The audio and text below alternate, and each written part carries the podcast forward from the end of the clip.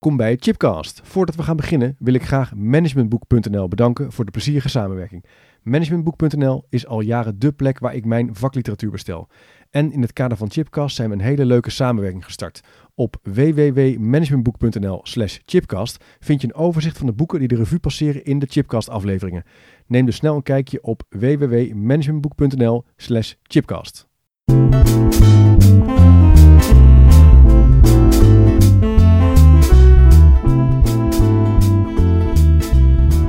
Welkom bij een gloednieuwe aflevering van Chipcast. Een programma waarin ik op zoek ga naar verrassende antwoorden en nieuwe perspectieven op vragen die mij bezighouden. En in deze podcast staat een hele boeiende vraag centraal. Hoe bouw je aan een topteam? En het gesprek ga ik voeren met Katja Staatjes. Katja, leuk dat je er bent in de uitzending. Ehm, voor degenen die jou niet kennen, je bent de eerste Nederlandse vrouw die de Mount Everest heeft beklommen. Maar je hebt niet alleen de Mount Everest beklommen, je hebt veel meer grote reuzen bedwongen. Ja, nog een aantal andere bergen boven 8000 meter die Ja. net iets lager zijn, maar lastiger. En dat heb ik dan met kleine teams gedaan. Ja, Ja. leuk. En eh, je bent niet alleen eh, klimmer, noem ik het dan maar. Hè? Ik denk dat is dat het goede woord, klimmer. Zeker, Zeker. expeditieklimmer, Expeditieklimmer. of bergbeklimmer, Bergbeklimmer. klimmer, ja. Je hebt ook heel veel ervaring in, in, de, in de managementwereld. Je, hebt, eh, je bent interim manager geweest. Je hebt veel ervaring in commerciële organisaties, in leidinggevende posities. En je bent veel gevraagd spreker. En met name, ja, spreken doe je waarschijnlijk over het omhoog gaan naar zo'n hele grote berg. Maar je hebt ook prachtige boeken geschreven.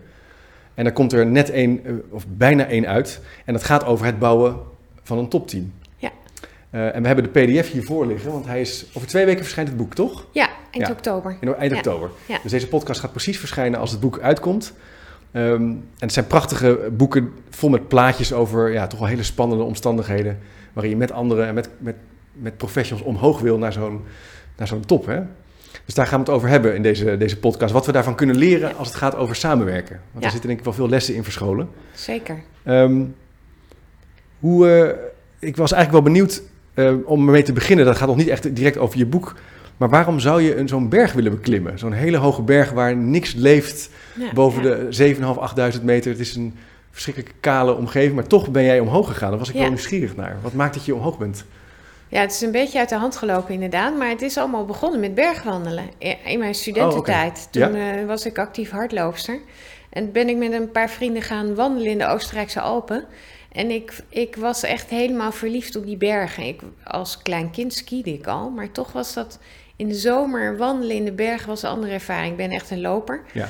En ik, ik vond het geweldig. Het feit dat je echt zo klein bent, in die natuur niks in te brengen hebt. Eh, dat is natuurlijk heel aardig met mooi weer, maar juist het contrast vind ik mooi in de bergen. Als het slecht weer is, is het zo heerlijk als je dan in die berghut komt of in je tent. Maar vooral de fysieke inspanning, gewoon het, het lopen. En de uitzichten en ver weg uit ons drukke bestaan, Ja. een stukje reflectie. En de band die je met elkaar opbouwt. Echt, je bent afhankelijk van elkaar, extreme omstandigheden. Dat maakt gewoon dat je zo snel verbinding krijgt. Nou, dat zijn allemaal geweldige aspecten uit de bergen. En vervolgens is dat inderdaad een beetje uit de hand gelopen, want dat is jouw vraag. Ja. Dan ben ik eigenlijk telkens een stapje hoger gegaan en verder gegaan. Ja, en met die hoogste bergen ter wereld, de Himalaya, dat is gewoon, het is echt geweldig. Het Ja. zijn geweldige projecten waar je naartoe leeft in de voorbereiding. Ja, en uiteindelijk inderdaad, dat laatste stuk, dan wordt het wel heel erg onherbergzaam. Maar dan, ja, dan is het misschien wel de ambitie om het toch te halen. Ja. Dat het lukt. Dat je dan doorzet. Nou, ik, want ik, ik Ja. vraag ook daar. Ik ben ooit na mijn studententijd naar Tibet gegaan. En toen ben ik tot 5500 meter eh, bij de Mount Everest geweest. Ja, Dat was niet een, eh, dat was wandelen, eh ja hiken. de noordkant de noordkant. in Tibet. Ja. Prachtig, ik bedoel, schitterend. Maar Heel droog, heel droog, landschap, ruig. ruig en ook wel eh, koud, ook wel als het gaat waaien. Dat, ik, dat ik dacht, en ik keek dus naar die berg en ik was toen al heel erg moe. Ik merkte dat mijn lichaam enorm reageerde op dat hoogteverschil. Voor mij Ja. is dat dus, als je in Tibet is al 3700 meter volgens mij de basis. Maar dan 5500 Ja. meter was voor mij al echt heel zwaar. Mijn oren verbranden bijvoorbeeld ook, herinner ik me. Dat ja, alles verbrand. slecht ingesmeerd. Ja. Maar jij bent dus nog hoger gegaan. Ja, nou, kijk, op het moment dat wij nu eh, naar Lhasa vliegen in Tibet op Ja. 3600 meter, dan heb je echt forse last daarvan. En Ja. als je dan, wat, er, wat meestal gebeurt, is dat mensen haast hebben, want ze hebben niet zoveel vakantie of willen heel veel doen. Ja, En gaan dan gewoon heel snel rijden en al die dagen eigenlijk die je zou moeten acclimatiseren, nemen ze niet. En daardoor ook bijvoorbeeld de beklimming van de Mont Blanc of de Kilimanjaro. En dat maakt dat je gewoon hoogtes, echt hoogteziekte krijgt. Ja, Als je dat maar rustig aandoet, kun je dat beter opbouwen. ja, Maar inderdaad, 5500 meter is al wel echt fors hoog. ja. Dat is ook de hoogte daar op Everest van het basiskamp. Ja. Dat is eigenlijk ook de hoogte dat je nauwelijks meer herstelt. Dus daar is nog maar Ah, de precies. helft van de hoeveelheid zuurstof. Nou, je moet op een berg altijd terug naar het basiskamp de hele tijd om te herstellen. En als een basiskamp op 5500 meter of hoger ligt, kun je eigenlijk niet goed meer herstellen. Dus dan put je, Dus word je eigenlijk moer. Ja, zeggen. Of- ja, of het wordt er ni- niet veel beter Nee, op. nee, dus nee. bijvoorbeeld, eh, er zijn ook bergen in Nepal of Pakistan waar een basiskamp op 4800 meter ligt. Nou, dan kun je beter herstellen, maar je moet ook natuurlijk elke keer weer dat Ja, extra ja, ja, stukje weer omhoog. Ja, je gaat omhoog en omlaag en terug om te herstellen weer omhoog. Ja. Maar als je eenmaal een paar weken daar zit, gaat het steeds beter. Raakt het lichaam geacclimatiseerd. Ja, Ja, en boven de 7000 meter wordt het wel ingewikkeld in de zin dat je zelfs boven de 7500 meter in de zone des doods komt. ja. Nou, daar is zo weinig zuurstof dat je überhaupt hooguit een paar dagen in leven blijft. Ja, en dan is het, eh, is het echt overleven. ja. Maar je hebt dat zonder zuurstof Een paar keer gedaan. een paar keer gedaan, ja. Ja. Eh, Dus waar, hoe, hoe- waar denk je dan aan als je eh, op zo'n hoogte bent? Hoe, wat doet dat met je lichaam? Misschien is dat een beetje ja, dat doet heel veel met je lichaam. Want wat, als eerste gaat het lichaam daarop reageren op hoogte. Ja, Door te zeggen, oké, eh, heel weinig zuurstof. Wat moet nu eerst zuurstof krijgen in het lijf? Dat is de hersenen, ja, hart en de longen. Dat is het belangrijkste. Dus er zit bijvoorbeeld nauwelijks bloed in je maag. En dat betekent dat je spijsvertering bijna niet werkt. Als eerste is het effect dat je eigenlijk geen eetlust hebt. Dus je walgt eigenlijk van eten. En als je dan toch denkt, ik moet toch wat eten... En want eigenlijk schreeuwt het lichaam natuurlijk wel Ja, om eten. ja, ja. Je gaat dan toch wat eten. Dan eh, zegt het lichaam, nou, er is geen bloed, ik kan het niet verteren. Dus je gaat heel snel overgeven. Dus overgeven is normaal op hoogte. Als je tenminste niet goed naar je lichaam luistert. Als je goed luistert, voel je dat je niet moet eten. Dus een groot punt is dat klimmers heel veel gewicht verliezen. En dus weinig energie hebben. Nou, verder moet je heel veel drinken. Een liter per duizend meter. 6000 meter, 6 liter Zo, per dag. Maar je zo. hebt alleen maar sneeuw. Nou, dat is, je zwelt op. ehm, en je bent gewoon kapot. Ja. Hè? Dus je, bent, Ja. hebt een gigantische hartslag. En je bent heel snel aan het ademhalen. Nou, dus 6 liter drinken, 3 liter verlies je al met je ademhaling. En je hersenen functioneren niet goed. Dus rekenen, bijvoorbeeld rekensommetjes kun je en maar te- rekenen aan tijd, aan afstand, aan hoogtes is ook al ingewikkeld. Dus je dus je- functioneert je gewoon functioneert niet gewoon niet Nee, optimaal. Je, gaat, je kan dus ook heel snel fouten maken. Ja, Dus daar moet je, Ja. ook voor, daar moet je natuurlijk ook op gaan letten. ja, Ja. maar ja, dat heb je eigenlijk weer niet goed in de gaten. Nee. En eh, je krijgt gedragsveranderingen. Dus, dus mensen worden veel sneller agressief. En eh, iemand die bijvoorbeeld ernstige hoogteziekte heeft, die moet je dwingen naar beneden te gaan. Die weigert dat.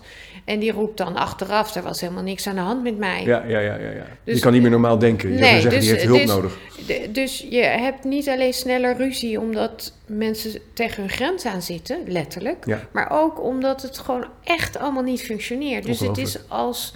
Het is voor jezelf heel ingewikkeld. Je bent zelf aan het overleven. Laat staan, samenwerken. Ja. Dat wordt nog ingewikkelder. Het is echt wel samenwerken op de grens van wat... ja, wat het is echt op de grens.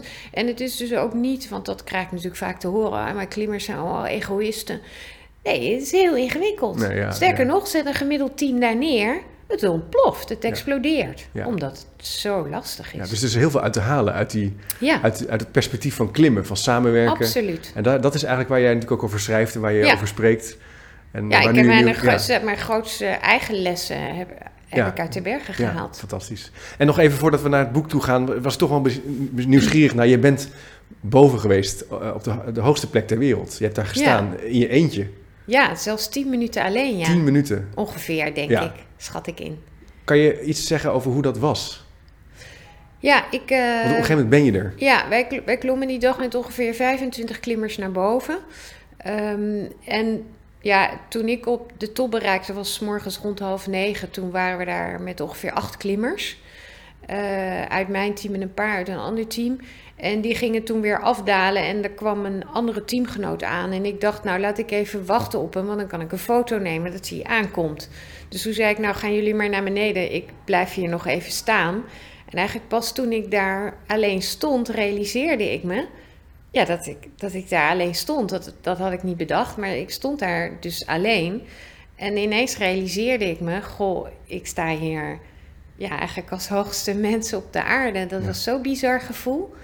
Dus ik heb gewacht tot, eh, tot die medeklimmer boven kwam en heb een foto van hem genomen. En toen, ja, toen merkte ik wel, ik moet nu echt naar beneden. Want ik, al, ik heb op Everest wel zuurstof gebruikt, het laatste Ja, stukje. ja.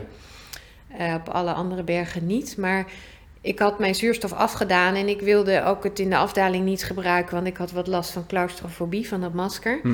Dus ik heb verder geen zuurstof in de afdaling gebruikt, maar ik merkte toch gewoon wel. Ik denk dat ik daar al een half uur stond. Ja, dat werkt. Dat is Ja, toch ja. wel echt heel hoog, 8800 Ja. meter. Ja. En ook je handen gaan bevriezen, want je neemt foto's. Dus ik eh, voelde gewoon, ik moet nu echt naar beneden. Ja, je schrijft ook van, eh, je hebt twee soorten handschoenen aan. Dus dat Ja. meen ik. En, als je er eentje, en dan wil je er eentje afdoen. Maar als dat dus niet van, aan een touwtje zit, Ja, en Ben je je- handschoen dan gewoon ben je gewoon kwijt. je hand kwijt. Ja, want je, het waait, je functioneert niet. Ja, Dus eh, heel snel verliezen klimmers een handschoen. dat gebeurt Die gewoon. moet gewoon, net als vroeger, of met een touwtje Zoals of met een kinderen, elastiek. Ja, inderdaad.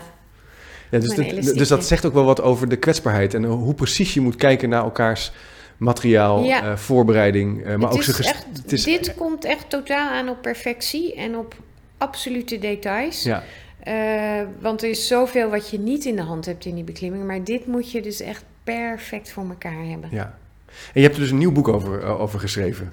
topteams samen bergen verzetten. Precies. En dat is, dat is als dat, dat ik heb de PDF mogen inzien. eh, eh, als dat net zo mooi, dat is net zo mooi als die, als die vorige boeken met die plaatjes, maar ook met die reflectie op hoe je kijkt, ja, hoe je kan samenwerken, hoe je naar boven gaat. Is er gedeelde, gedeelde verantwoordelijkheid, gedeelde focus op het doel? Ja, Ehm, en in dit geval met foto's van Menno Boermans. ja, Een eh, bergsportfotograaf en een expeditiegenoot van ons op een van onze expedities. ja, En een vriend ook. Dus Ja. eh, heel mooi om dit Ja. samen met hem te hebben kunnen maken. En ook samen heel intensief met de vormgever Henk van der Hart. leuk. We zullen kijken of we wat, wat plaatjes ook op Chipcast kunnen plaatsen. Of in ieder geval linkjes naar het boek, want het is echt de moeite waard. Ehm, als we het nou hebben over dat klimmen en de, de verbinding leggen naar een team.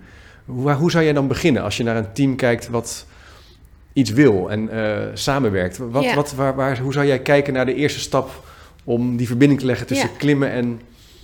Nou, En ik zal als eerst kijken naar het doel. Als je Ja. naar een berg kijkt, is het natuurlijk als een kind een berg, als ik jullie kinderen vraag, teken eens een berg, dan wordt er natuurlijk een hele mooie spits top getekend. Ja, Maar zelfs in het klimmen is heel vaak het niet zo'n top. Want heel vaak is het, soms is het zelfs helemaal niet helemaal duidelijk. Of het, de top is een gigantisch plateau. Dus je denkt eigenlijk dat is helder. Maar is eigenlijk je doel wel helder? En het begint volgens mij allemaal met heb je werkelijk gemeenschappelijk doel?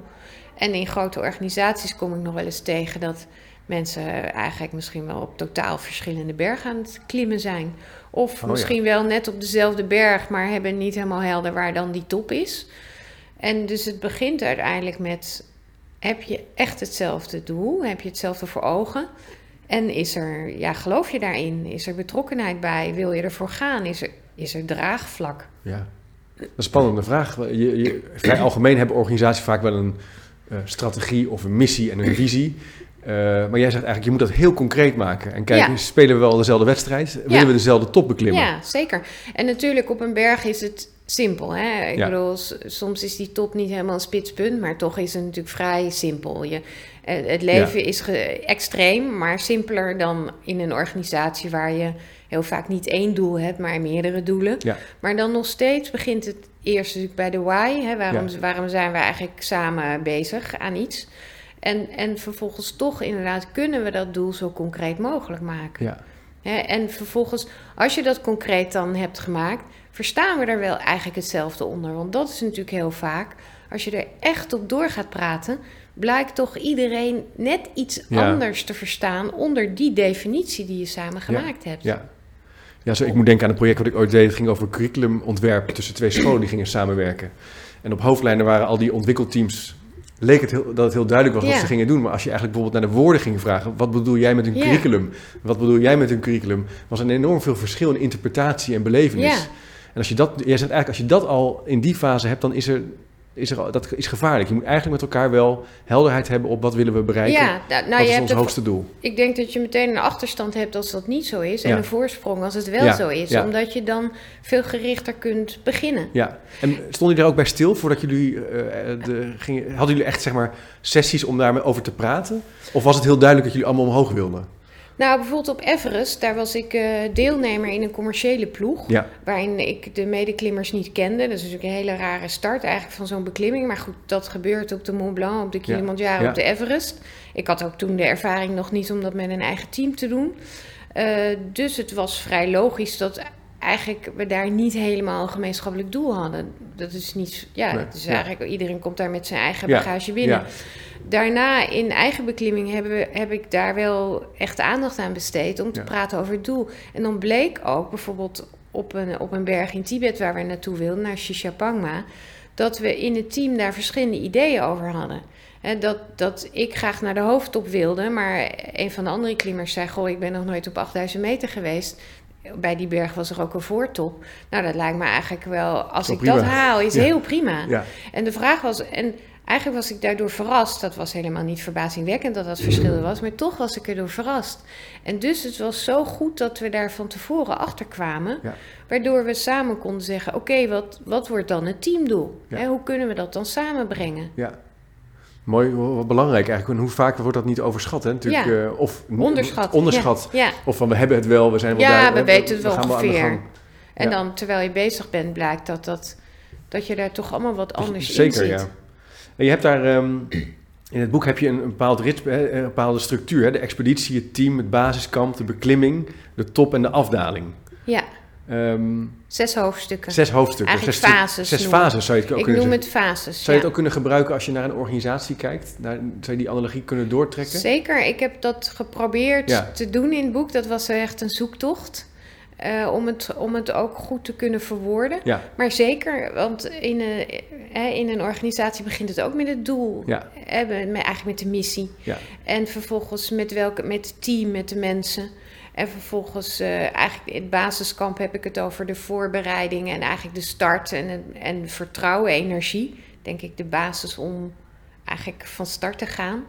Nou ja, en vervolgens loop ik eigenlijk het proces van Ja. de beklimming door. Hoe, hoe werk je aan vertrouwen en energie dan? eh, Ja, in deze zin? dat is eh, best. Want je bent, nog niet, je, bent, je bent nog niet aan het... Ja, misschien klim je al wel in de voorbereiding. Maar je hebt natuurlijk ook... Door dingen te doen bouw je wellicht ook wel aan vertrouwen.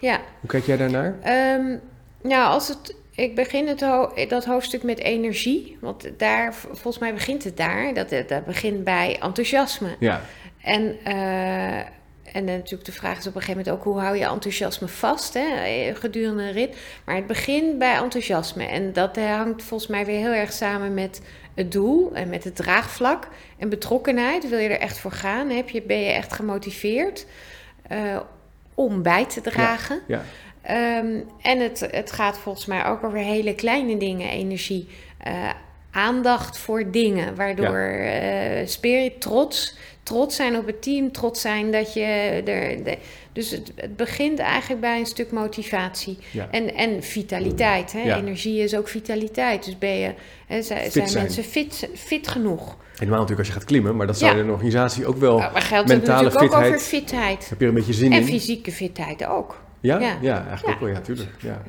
Ja. Dat, dat is een Gezond beetje... eten, voldoende slapen, Ja, ja. rust, eh, en niet te zwaar zijn. Dat zijn natuurlijk toch allemaal Ja. Jij kijkt er wel naar, op die manier. Ja. Nou ja, die bijdragen aan ik of, het je fit bent. ja. Het komt steeds wel, wel meer in de organisatie, wordt er aandacht aan besteed natuurlijk. Hè, van gezond leven. En ook wat realisatie dat organisaties een verantwoordelijkheid hebben in, het, eh, in een, in een ja, zorgen dat je fit bent en alert bent. Wat is de rol van leiderschap daarin? Is er een, is er een duidelijke leider in, een, in zo'n teamexpeditie? Iemand die de formele basis Of kan Ja. dat roleren op basis van expertise? Nou, er is in een expeditie altijd een formele baas. Ja. Want eh, we betalen, als je tenminste, al- als we het hebben over de hele hoge bergen, daar Ja. betaal je vergunningen Ja. voor. De 8000 meter hoge bergen zijn er 14. Daar moet je een vergunning kopen. Nou, voor Everest eh, was dat voorheen 70.000 dollar voor een team van zeven. Nou, inmiddels is het veranderd, is het per persoon. Maar meestal is het per team. En dat, dat varieert dan meestal tussen de 10.000 dollar en, de, nou, en nog wat hoger. Ehm, en dus daar staat een handtekening onder van de formele expeditieleider die zegt: Ik ben de expeditieleider. En als er een ongeluk gebeurt, Eh, of als je te veel afval achterlaat, dan word jij daar als expeditieleider op aangesproken. Ehm, het betekent natuurlijk niet altijd in de expeditie dat de formele expeditieleider ook altijd de leider is. Die houdt altijd de eindverantwoordelijkheid. Maar het kan natuurlijk net als in een organisatie waarin de leidinggevende of de manager niet altijd in de lead is. Nee. Is soms iemand anders in de lead, omdat hij meer ervaring, meer expertise heeft. Ja. Eh, de voorklimmer klimt voor en de rest zit erachter, maar die ziet niet wat daarboven gebeurt. Of je bent zelfs uit zicht. Ja, dan is de voorklimmer in de lead. Ja, dat vraagt wel vertrouwen dat die voorklimmer Zeker. Goed eh, veilig ook eh, alles klaarzet. zeggen, ja. En hoe heette die? Ja, je moet natuurlijk eh, touwen leggen, denk ik. Ja, je maakt zekering. Zekeringen. Ja. Dat, dat vraagt toch wel... is dat ook degene die dat dan het best kan? Of, of, of hoe, Nou, het verschilt. Soms zijn er in teams een, maar een paar klimmers die dat kunnen doen. ja, En dan roleren die. Soms heb je een team van drie waarin iedereen dat kan doen. Dan Ja. wisselt dat. Nou, als je kijkt bijvoorbeeld, ik klim met mijn man, met Henk. ja, Henk is, we zijn fysiek gelijk, zeg maar, in de bergen. Maar Henk is technisch de betere klimmer. Dus als het heel stijl is, of als je aan, alleen maar aan een vinger of aan een hand in de rotsen hangt, zeg maar, dan is Henk een betere klimmer dan ik. Dus dan gaat hij meestal voorop. En dat is ook prima. Ja, Maar ik ben in de organisatorisch ben ik in de lead, omdat Ja. dat eh, Henk zijn ding zeg maar niet is. En dat is natuurlijk ook mooi in een team, dat je elkaar aanvult. Ja. Maar als je nu bijvoorbeeld op Everest kijkt, is er inmiddels een andere manier van klimmen ontstaan. Dat de Nepalese Sherpa's eigenlijk de route voorklimmen, Ja, helemaal van ja. begin tot eind. En vervolgens gaan de klimmers er met een soort vast touw en een stijgklem achteraan. Dat is inmiddels een totaal andere manier van klimmen geworden. ja dat, En dus daar is het veel meer georganiseerd. En daar hebben de Nepalese Sherpa's een hele belangrijke rol. En de deelnemende klimmers, ja, daar wordt, zou je kunnen zeggen, minder zelfstandigheid van gevraagd. Dus het Ja, is die- inmiddels veranderd. ja, dat denk aan die foto natuurlijk, die we, dat iconische beeld van die, die file. Ja, eh, die ook leidt tot hele gevaarlijke situaties Ja, natuurlijk. zeker. eh. Ja. Dus iedereen wil omhoog. eh, dat was een beetje strekking van het verhaal. Of steeds meer mensen willen... steeds meer mensen willen omhoog. Er komen steeds meer minder ervaren klimmers zitten daartussen. ja. En dus op lastige stukken houden die de boel op. Ja. En dus ontstaat er dan een file. En vooral als klimmers weken hebben zitten wachten op goed weer. Ja, Dus dan zit iedereen te wachten en dan wordt het goed weer en dan gaat iedereen tegelijk omhoog. En er zijn gewoon te veel klimmers in het basiskamp. Dus daar moeten echt, of tenminste, het is wel denk ik wenselijk dat er Ja, maatregelen ja, worden. Ik ben blij dat ik het nooit zo heb meegemaakt van drukte op een berg. Ik vind het echt verschrikkelijk. ja, dat kan Dat me is ook de reden dat ik niet naar de Mont Blanc wil gaan meer. Nee, meer. Nee, Dus het te is, druk. eh, ik vind het te druk. ja. Maar De het bergen is juist, je bent juist nou, wat jij bent begonnen, van alleen zijn en in, in verbinding staan met die natuur, voelen hoe het is. geweldig. Eh, en wat spannend is, dat je in dat team dus constant moet af, de, eh, eigenlijk moet in, in, in verbinding moet staan en elkaar ook expertise moet gunnen. Moet geven als iemand ergens beter, hè, eh, iemand kan Ja, beter zeker, iemand kan beter sure. coördineren. Dat moet je Ja. constant afstemmen met elkaar. Dat vraagt heel veel vertrouwen, maar wei- weinig ego in zekere zin.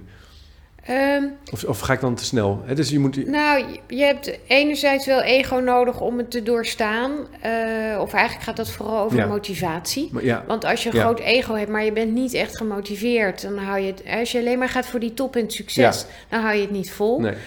Als je allemaal ego's in een team hebt, kom je er al helemaal niet. Dan heb je niks voor elkaar over. En dan wil jij de hele tijd de beste zijn. Ehm, je hebt wel een zeker ego nodig vanwege de ambitie en dat het veel doorzettingsvermogen Ja, vraagt. ja. Maar het komt er uiteindelijk vooral op neer dat je in staat bent om de zwakste schakel in het team telkens te versterken. Dus als iemand zeg maar langzamer is, maar je klimt samen aan een touw, ja, dan kun je blijven sleuren. Maar die, de, de langzaamste, die, die, kan niet mee. Dus dan kom je natuurlijk samen sneller vooruit als je iets uit de rugzak haalt van degene die het eigenlijk niet kan ja, volgen. ja. Die of minder sterk is, of een slechte dag heeft, of eh, misschien eigenlijk al het meeste droeg. Dus het is dan belangrijk toch om naar het totaal te kijken, om samen sneller vooruit te komen of verder te komen. Je helpt elkaar ook echt. Dus je gaat niet lopen als je eenmaal op Als het goed is wel. Als het in, goed een goed, wel. in Ja, een goed team, wel. In een goed- ja, Doe je goed. dat wel. Je, hebt natuurlijk, je ziet natuurlijk vaak ook wel dat teams eh, last hebben van elkaar. Hè? Het, zogenoemde free rider probleem, dat er in een team iemand zit die minder doet dan de rest, Ja. daar niet op wordt aangesproken en wel Nou ja, meelift. Dat zien we natuurlijk eindeloos in die beklimmingen. Iemand die geen zin heeft om eh, een wc-gat te graven. Hè? In een kamp maken we een gat. Iemand die geen zin heeft om voor te klimmen. Iemand die geen zin heeft om te sporen. En als het spoor er ligt er lekker achteraan komt. Ja, dat soort asociale lui hebben we Ja. overal. En hoe ga je Dus daarmee... Ja, heb je dus... Oké. Oh, dat is wel de- ja, fijn, fijn om te weten dat we dat overal hebben. die- ja, Zelfs als je naar de Mount Everest wil. Ja, zeker. En dus eh, daar ontstaat natuurlijk ook irritatie over. Ja, Dat er irritatie ontstaat is normaal. ja. Eh, Dat Ja. gebeurt. Je zit Ja. gewoon op Ja, twee vierkante. Ja. meter, gewoon een paar dagen vast in een storm. Dat is logisch. Alles ga- hangt er dus af van je eigen leiderschap. Hoe je daarmee omgaat. Ben je in staat om te incasseren? Ben je in staat om je aan te passen? Ben je in staat om je mond te houden? En te denken, wacht even, hier moeten we nu maar even niet over gaan praten. Hier moet ik nu niet over exploderen. Eh, heb je iets voor elkaar over? Dat is uiteindelijk wat maakt of je Ja. je succesvol ja bent. dus een, go- een goede leider is bewust van zijn eigen gedrag en kan zich ook beheersen. Snapt Ja, het effect van wat hij doet. ja. Gaat niet te snel Ja. constant het groepsproces benoemen. Ja, echt over persoonlijk leiderschap. Want Ja. daar komt het echt. Ja, Iedereen moet leiderschap tonen. Ja, heel Ja. belangrijk. En ehm, je schrijft ook uitgebreid over communicatie. Eh, als iets wat eh, een van de pijlers is waar je het eh, verschil op kan maken. Ja. Ehm, Hoe kijk jij naar communicatie? Op zo'n berg moet je ook communiceren. Natuurlijk Ja. constant ben je met elkaar Ja. aan het afstemmen om veilig naar je plek te komen Nou, of terug te komen. Eerst heb je natuurlijk gewoon de praktische communicatie. Gewoon de huis, tuin en keuken dingen. Maar wel heldere afspraken. Is duidelijk hoe het zit. Nou, eh, daar moet je niet te veel woorden aan besteden met klimmen. Omdat je elkaar heel regelmatig niet kan verstaan. En je hebt gewoon praktische problemen. In een kampje, midden in een he- sneeuwhelling... waar je nauwelijks je tent uitkomt... hoe communiceer je met elkaar? Ja. Dat is heel ingewikkeld. Want hè, je moet naar buiten of je moet het over de radio doen... maar dat is vaak weer storm en dan hoor je elkaar niet... Dus je moet eigenlijk dan zorgen dat je dingen van tevoren al goed hebt afgesproken, er een goede basis ligt. Ja, en als het in het heetst van de strijd, zeg maar in de beklimming zelf, Ja. er van alles misgaat en je niet bevalt, ja, heeft het natuurlijk geen zin om dan feedback te gaan geven in een storm, eh, op een helling. Weet je, die, dat moet je dan maar. Ik merk nu dat je dit doet. Ja, ik Ja, zie voor je, de trucjes. dat eh, werkt zelfs niet in een hoog kamp. Nou, dat kan dan misschien in een basiskamp op een goed moment. Interessant. Eh, en dat geldt natuurlijk ook in organisaties. Als je elkaar feedback wil geven, als je werkelijk wil bespreken Ja, hè, Ja. eh, wat, er elkaar- gebe- ja. wat er gebeurt, of, of misschien wel de onderstroom, hè, die er natuurlijk toch op een gegeven moment vaak ook ontstaan, dan moet je een goed moment kiezen. En als je die onderstroom nooit bespreekt, ja, dan gaat het natuurlijk etteren. Dan gaat die steeds sterker worden. Dus je moet dan het die in eigenlijk de weg zitten. je moet het organiseren. Je moet er momenten, de juiste momenten voor vinden. Ja, en dat betekent dat je je wel als team veilig moet voelen. Dat je elkaar moet vertrouwen. Het begint dan eerst met vertrouwen. Eh, geef je elkaar vertrouwen? Eh, hè, is je vertrouwen niet beschaamd? Eh, hoe voel je je betrokken? Sta je eigenlijk achter het doel? Want anders dan is, als je eigenlijk niet achter het doel staat, ben je alweer niet gemotiveerd. Dus het hangt natuurlijk allemaal met elkaar Je samen. moet echt op verschillende niveaus kijken Ja. naar, naar hoe iemand ja, met, met hoe, hoe je met iemand optrekt. Ja. ik moet denken aan, eh, ik heb laatst een boek gelezen over die Navy SEALs, die altijd als ze oefenen, voordat ze op missie gaan, constant na een oefening, eh, ze hebben daar een mooi woord voor, ben ik even kwijt, maar napraten en eigenlijk altijd de, de missie evalueren, ook Ja. als het een training is. ja, En de statement daar is dat, eh, dat het mensenlevens redt. Dus dat je eigenlijk evaluatie, reflectie doe je achteraf, maar altijd. ja. Daar in, in die situatie hebben ze het heel erg georganiseerd. Ja, dat is heel goed natuurlijk. Maar jij zegt ook iets wel heel inzichtelijk. Zegt van ja, je moet niet gaan reflecteren en feedback gaan geven midden in hun beklimming. Operatie, of Nee, een, of- sh- op, de, op de operatiekamer in een nou, ziekenhuis. precies, precies. Daar zit ik ook aan te denken. Nee, niet doen. Niet doen. Nee, Zorg, Nee. fix het, los het op Ja, en achteraf praat je erover. Ja. ja, ja. ja. Interessant. Ja, dat, is toch, dat staat toch wel, eh, in die zin zitten er wel heel veel van dit soort scherpe lessen in, hè? Als je kijkt naar zo'n zo'n expeditie. ja, je leeft natuurlijk zo op het scherpst van de snede... Ja. dat je werkelijk eh, geconfronteerd wordt met jezelf, genadeloos, Ja. en, en met elkaar. En dus eigenlijk, je leert daardoor heel snel... of je doet heel snel inzichten op wat niet werkt. Hè, om een voorbeeld te noemen, ik ben een perfectionist... Dus eh, hoe je het went of keert, eh, ik zie het glas half leeg. Ik Oh zou ja. graag willen dat het anders is, maar ik zie het half leeg. Ik krijg het lijkt in mijn systeem gebakken. Henk, mijn partner, ziet het half vol, maar ik zie het half leeg. Maar ik kan wel, eh, mezelf heb ik geleerd inmiddels om er beter mee om te gaan. Ja. Dus waar ik de neiging toe heb, is ik zie het half leeg. Dus ik kijk altijd wat er niet is. Ik kijk hoe het beter had gekund. Ik kijk eerst terug. Namelijk als ik dit had gedaan, was het nog beter gegaan. Nou, in een lastige situatie op een berg, waarin we in de ellende zitten, zeg maar even. Ja, ja. Dan heb ik ook nog de neiging om, om in ieder geval te denken, maar eigenlijk het, het liefst zeg ik het ook nog. Als we nou dit hadden gedaan, was het beter gegaan. Ja, Oh ja. Dat, op een moment dat we daar in een storm staan, op een punt waar we niet verder kunnen, heeft dat geen zin. Dus inmiddels heb ik geleerd dat ik gewoon mijn mond moet houden. En het is ook heel goed dat Henk erbij is, want die kapt me onmiddellijk af. Of hij brengt humor in, hè, vanuit zijn glas wat half vol is. En zo word je natuurlijk één, hè, Ja. word je samen sterker. Ja. Maar ik heb inmiddels gewoon ook geleerd om met mijn beperkingen beter om te gaan en Ja. mijn mond te houden. Sterker nog, zeker als expeditieleider hè, of als teamleider bijvoorbeeld in een organisatie, om wat positiefs te zeggen, want dat werkt natuurlijk veel beter. Ja. Dus, het Dus- vraagt veel kennis van jezelf. Ja, en ik zie het nog steeds half leeg, maar ik ben beter in staat om, het om er een positieve draai aan Ja. te geven. Ja. Een punt wat, eh, wat je ook noemt in, in, in, in, dat belang van, van, om te hebben is die scherpte. Hè? Dat klimmen gaat echt over leven en dood, Hm. over eh, verder kunnen gaan of niet. Ja, Hoe kunnen we die spanning ook in organisaties krijgen? Want dat is natuurlijk is een spanning die... ja. Kan je dat... Kan, ja, kunnen, we, kunnen we dat gebruiken? Kunnen we dat vinden in een Ja. organisatie? En, en zo ja, hoe, hoe dan? Ja, het is mooi. dat is inderdaad heel mooi van het klimmen. Want je voelt je echt, Ja. je leeft op het scherp van de snede, Ja. dus op de essentie. Ja, Dat is heel mooi. Dat maakt ook dat je daarna meer geniet weer van de gewone dingen. Eh, hoewel ik ook weer blij ben dat het niet elke dag zo is, want ik kan niet elke dag de Everest beklimmen. Dus je kunt niet elke, Nee. in mijn ogen elke dag een topprestatie leveren. Ehm, dus ook als je dan vraagt wat leren we daarvan in organisaties, is het denk ik wel heel mooi om op een gegeven moment de spanning op te bouwen dat je naar, samen naar iets toe werkt. Eh, maar aan de andere kant ook op het moment dat je dat gerealiseerd hebt, even gas terug te nemen. En het lijkt zo langzamerhand wel zo in alle organisaties, zodra je iets gehaald hebt samen. Nou, als eerste hè, is er wel aandacht om het te vieren, belangrijk. Maar om vervolgens meteen door te rennen naar Ja, het volgende.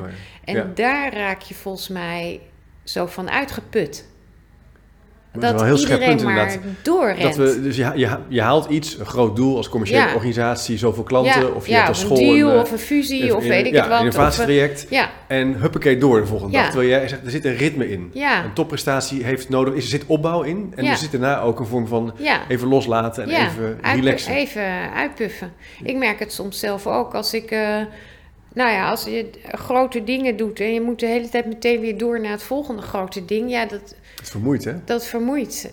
Ja, dat, daar moet je wel echt zit, aandacht ehm, voor hebben. Een verbinding met dat klimmen, als je op een bepaalde hoogte bent eh, en je hebt dat bereikt en je blijft daar, dan vermoeit het je. Fysiek is Nou, het... sterker nog, dat kun je op hoogte... Dat gaat helemaal niet. Dus je moet terug naar het basiskamp. Ja. Je zet een stap terug om er daarna twee vooruit te kunnen Ja, zetten. Dat had ik me ook nooit gerealiseerd tot ik daar een Ja, keer dat hele in jouw ritme boeken van dat klimmen. Ja. Ook in mijn lezingen blijkt dat een van de krachtigste metaforen. Ja. Dat je de stap terug moet zetten om er daarna twee vooruit te zetten. Ja, dus er zit een ritme in dat Ja. presteren in die topteams. Ja, en uiteindelijk na het halen van die echte top op 8000 meter, ja, moet je gewoon echt even bijkomen. Ja, ja. Niet meteen eh, doorvliegen naar de volgende. Nee.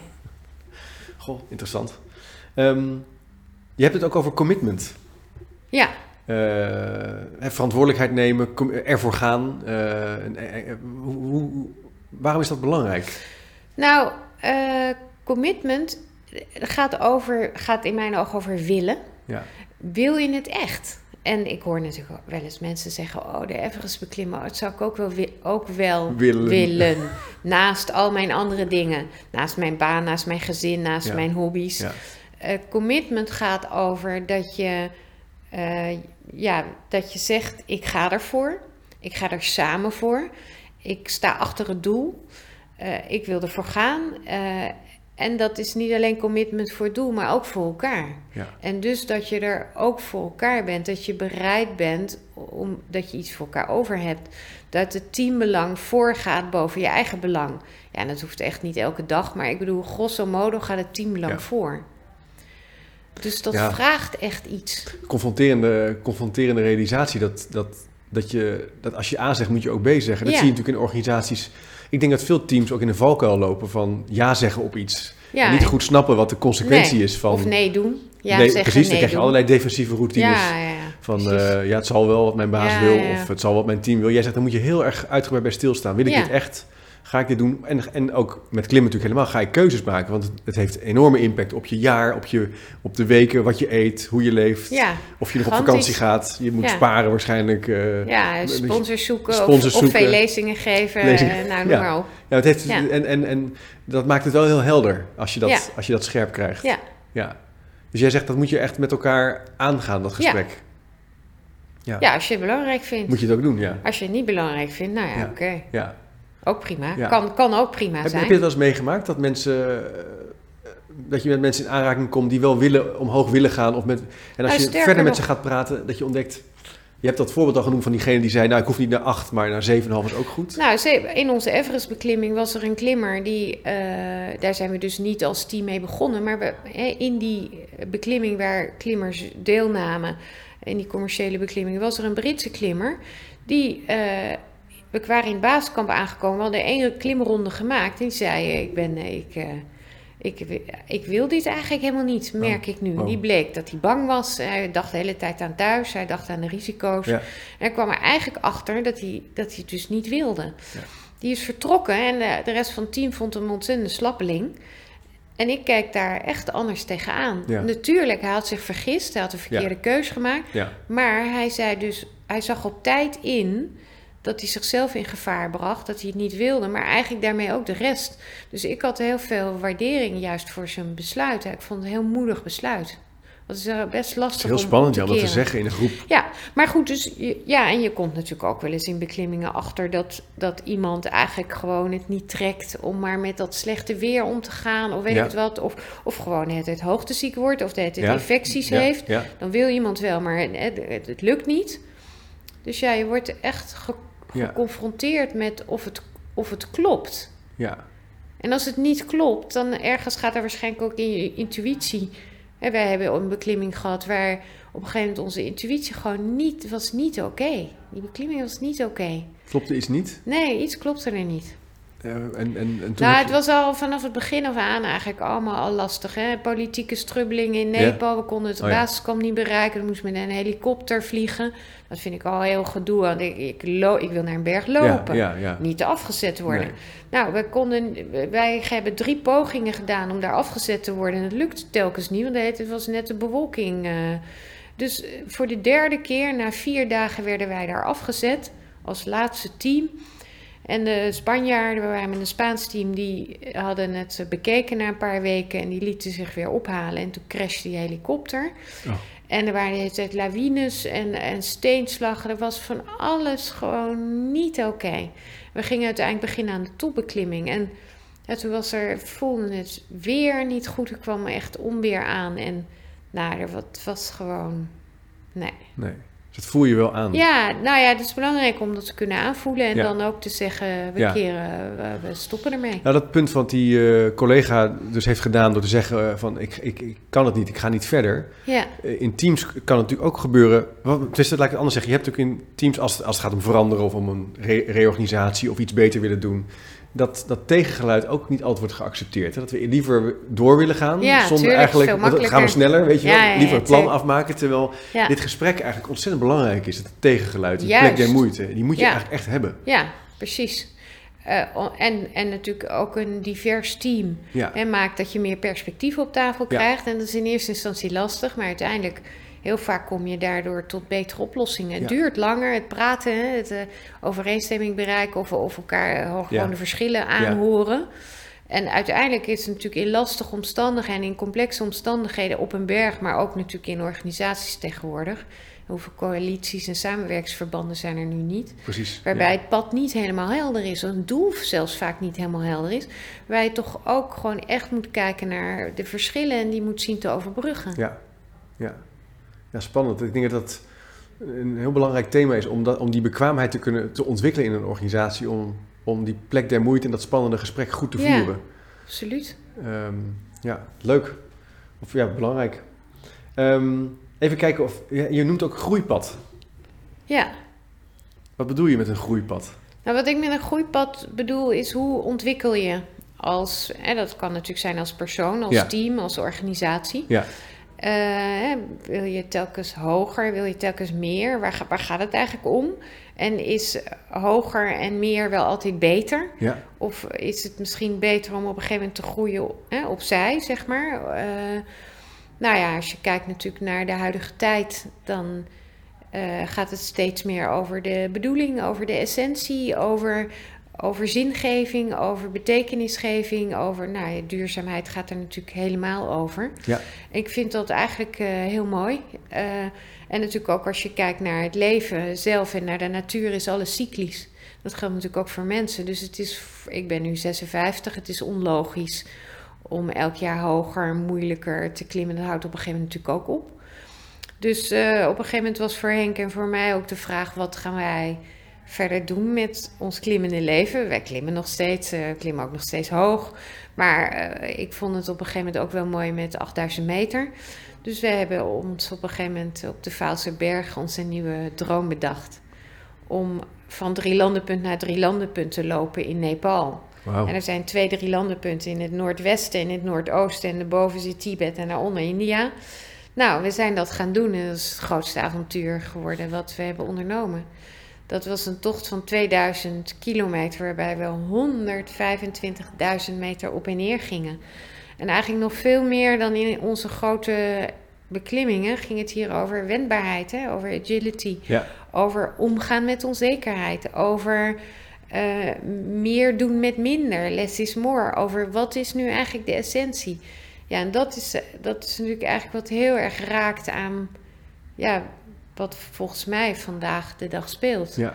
En waarbij ik eigenlijk ook tot de ontdekking kwam, ik ben heel resultaatgericht, maar ja, me weer realiserend hoe belangrijk de reis is. Hè, de Het journey. gaat om de, om de weg en de, en de route samen. Ja, En dat groeipad definieer je dus anders dan, je zegt van, wat mensen wel eens doen van het idee van hoger, meer verantwoordelijkheid, stapje in, hè, verticaal Ja. groeien. word je wel daar altijd gelukkiger van? De, precies, de vraag is van, en dat, soms kan het best wel zo zijn, maar je zegt, Ja. nou, er is veel meer.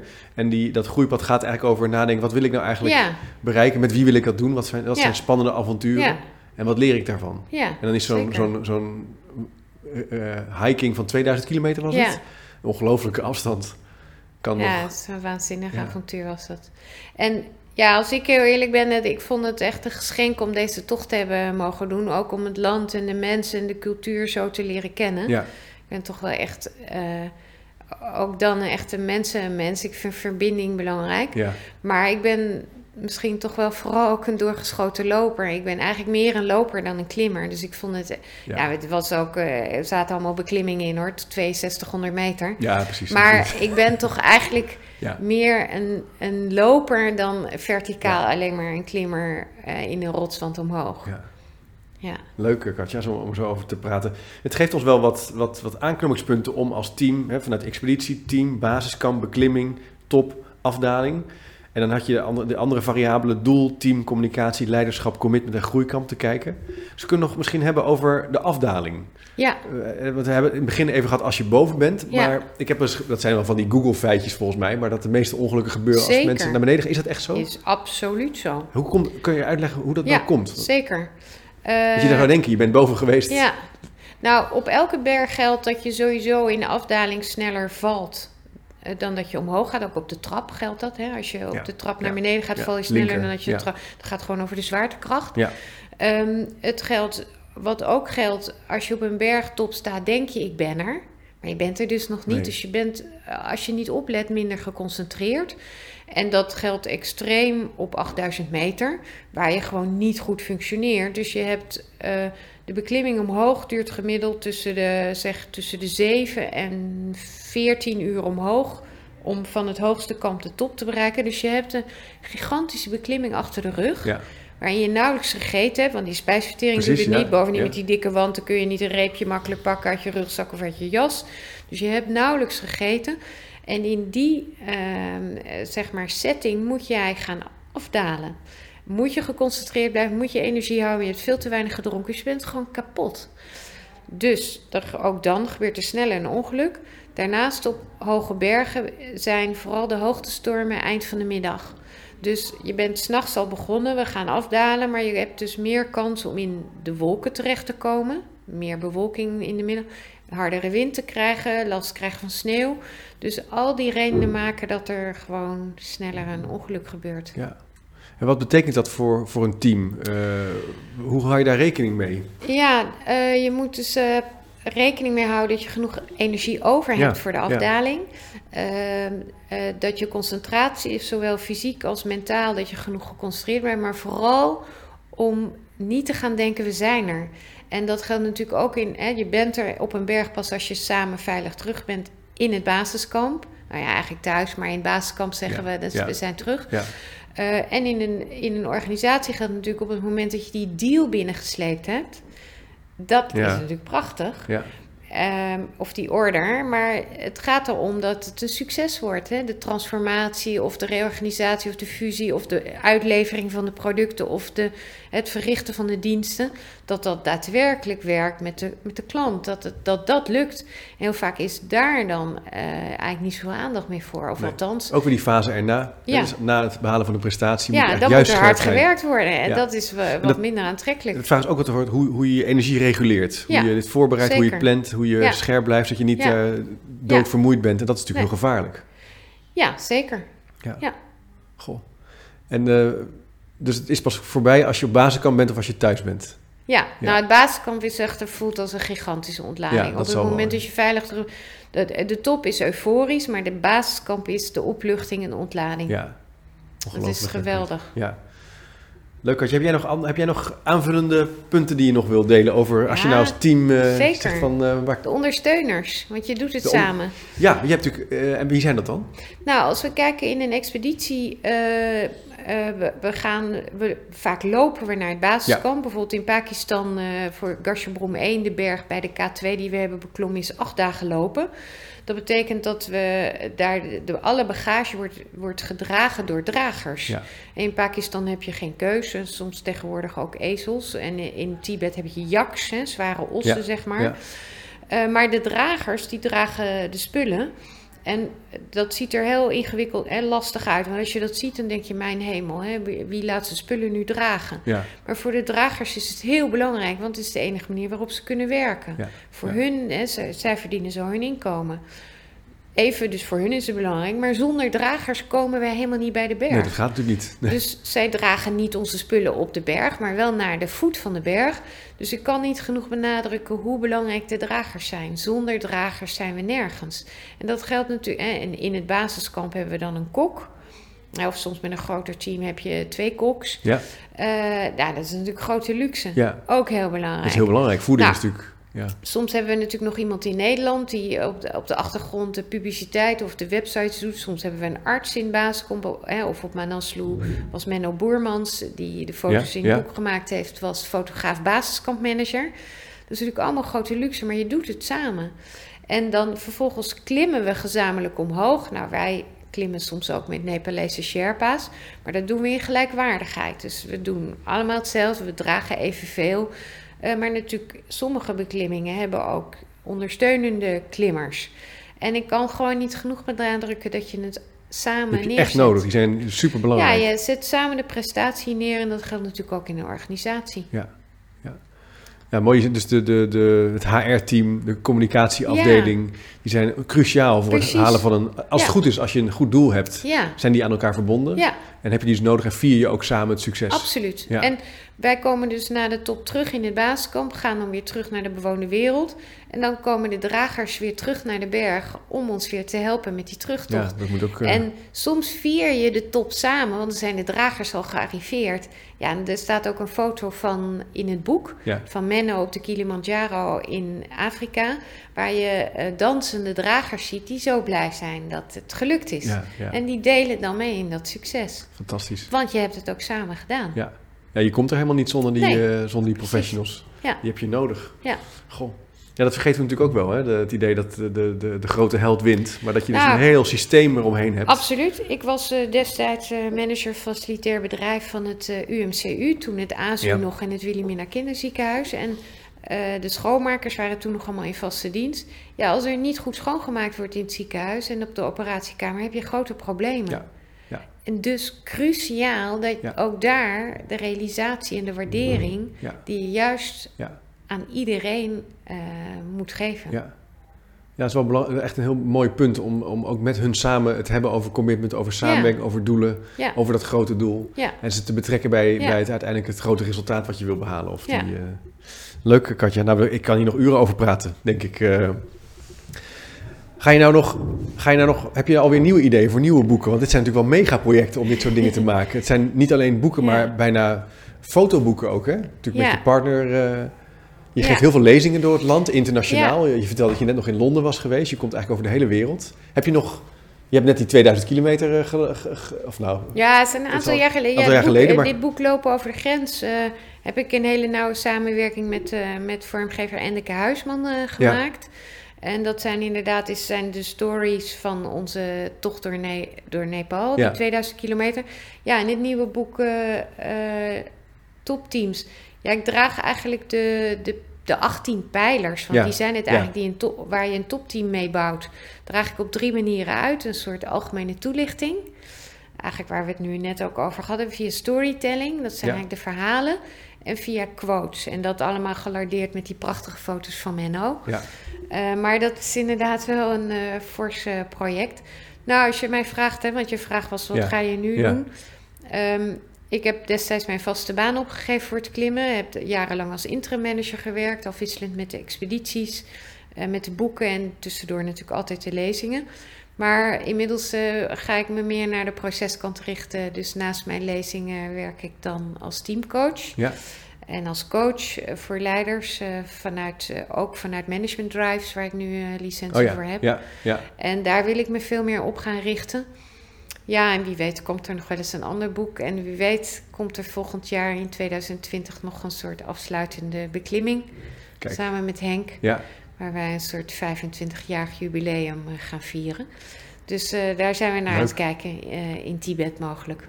Mooie plannen, Katja. Ja, Lijkt me als ik in een team zat ook wat te gek om door jou gecoacht te worden. Dat, dat, je weet van er heeft iemand die is de, de Mount Everest opgegaan en die, die ga- gaat dan deze inzichten gebruiken om naar samenwerking te kijken. Ontzettend leuk om met je te praten over topteams.